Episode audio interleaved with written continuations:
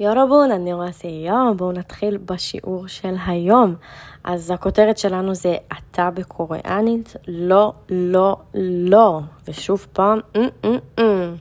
אני גם אסביר. קודם כל, איך אני יודעת שהשתמשתם בגוגל תרגום כשאתם שולחים לי איזה משפט? איך אני רואה את זה ככה בלי למצמץ? כשאני רואה שאתם כותבים את המילה טאנשין. טאנשין זאת מילה שקוריאנים לא משתמשים בה כמעט ואף פעם, אוקיי? גם תסתכלו בתרגום, אה, במילון של המילה אתה או את בקוריאנית, נכון, זה יהיה טאנשין, אבל מה, קוריאנים באמת לא משתמשים בזה. בואו אני אסביר לכם. קוריאנית ידברו לרוב בגוף שלישי. זאת אומרת שבמקום שהם יגידו את המילה את או אתה, הם יגידו את השם ויוסיפו איזה תוספת לשם. אה, כמו למשל, אה, בואו נראה כמה דוגמאות. כשאני למדתי קוריאנית באוניברסיטה, המורה שלי תמיד קראה לנו אה, בשמות שלנו, ניקול למשל, ותמיד הוסיפה את התוספת של ה-שי, אוקיי? של הסאנגשיות פלוס אי, שי. עכשיו, נגיד היא הייתה קוראת לי, אז היא הייתה אומרת ניקול שי, ככה, ככה הייתה קוראת לי.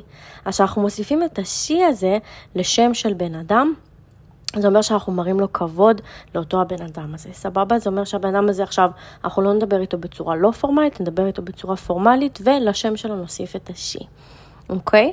עכשיו, אה, לרוב גם השתמשו בזה אה, בעבודה או בלימודים, נגיד עכשיו אה, התקבלתם לעבוד באיזה משרה מסוימת, אז כל החברים שלכם לעבודה, אז אתם תקראו להם בשם שלהם ותוסיפו שי. אוקיי? עכשיו, לחברים קרובים, אני לא אוסיף את התוספת הזאת לשם. נגיד חברה שלי ג'ינה, שהרבה כבר מכירים, אז אני לא אקרא לה ג'ינה סי. למרות שאני לפעמים קוראת לה ככה והיא קוראת לי ניקול סי, אבל זה בדיחה אה, בינינו, משהו שלנו. אבל לרוב אני אקרא לה ג'ינה והיא תקרא לי פשוט ניקול, שזה יהיה, אה, כי אנחנו מדברות בצורה לא פורמלית. עכשיו, שתדעו לכם גם שהמילה טאנשין, זה נכון, אמרנו שהיא אה, בצורה פורמלית. היא כמעט לא נמצאת בשימוש, אבל אה, בצורה לא פורמלית, להגיד אתה או את, זה יהיה לא, לא, אוקיי? אז אם אני רוצה להגיד את או אתה, אני פשוט אגיד לא, אבל לרוב קוריאנים באמת באמת ידברו בגוף שלישי. אה, נגיד עכשיו אני מדברת עם חברה, אז אה, היא תרצה להגיד עלה, לי משהו, אז היא תשאל אותי ככה, ניקול ככה וככה. באמת, עם כמה שזה נשמע מוזר, קוריאנים באמת באמת מדברים ככה. בהתחלה גם לי היה קשה לקבל את זה, כי זה מאוד מוזר לדבר בגוף שלישי, אבל uh, אין מה לעשות, זה הקוריאנים ואנחנו פה כדי ללמוד. עכשיו, uh, עוד דרך uh, שאפשר לקרוא למישהו, זה יהיה להוסיף את התוספת של הנים לשם שלו, אוקיי?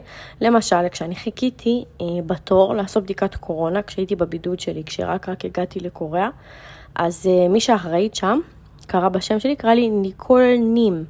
ככה אנטיקולנים, ככה היא קראה לי, וידעתי שהיא קוראת לי ובאתי. עכשיו, זו צורה מאוד מאוד פורמלית לקרוא בין בן אדם, ולרוב גם תהיה בשימוש אה, במקומות כמו בתי חולים, או איזה אה, באתרים כשיש לכם משתמש, או אפילו באינסטגרם. אז יהיה רשום שם ונים ליד, תוכלו לראות את זה. עכשיו, יש לנו את המילה שאני בטוחה ש-99% מכם מכירים, אה, יש לי עליה גם פוסט באינסטגרם, אז המילה סונזנים, נכון, שזה מורה. עכשיו, כמו שאני דיקול סונזנים, אני המורה ניקול, אז שמתם לב, גם פה יש לנו נים. אוקיי? אז בקוריאה, למה בכלל זה קורה? למה מוסיפים בכלל את הנים הזה? בקוריאה יש כבוד מאוד מאוד גדול למורים, כי הידע שלהם כל כך עשיר וכל כך רחב, והם מלמדים אחרים, הם משתפים את האחרים בידע הגדול שלהם, אוקיי? עכשיו, אני זוכרת שראיתי סרטון, איך שהייתה שם ישיבה בממשלה בקוריאה, והיו שם שני חברי כנסת, חברי ממשלת אה, קוריאה, שהתחילו להתווכח ביניהם, ופתאום אחד מהם אמר לשני, טאנשין, משהו, משהו, משהו.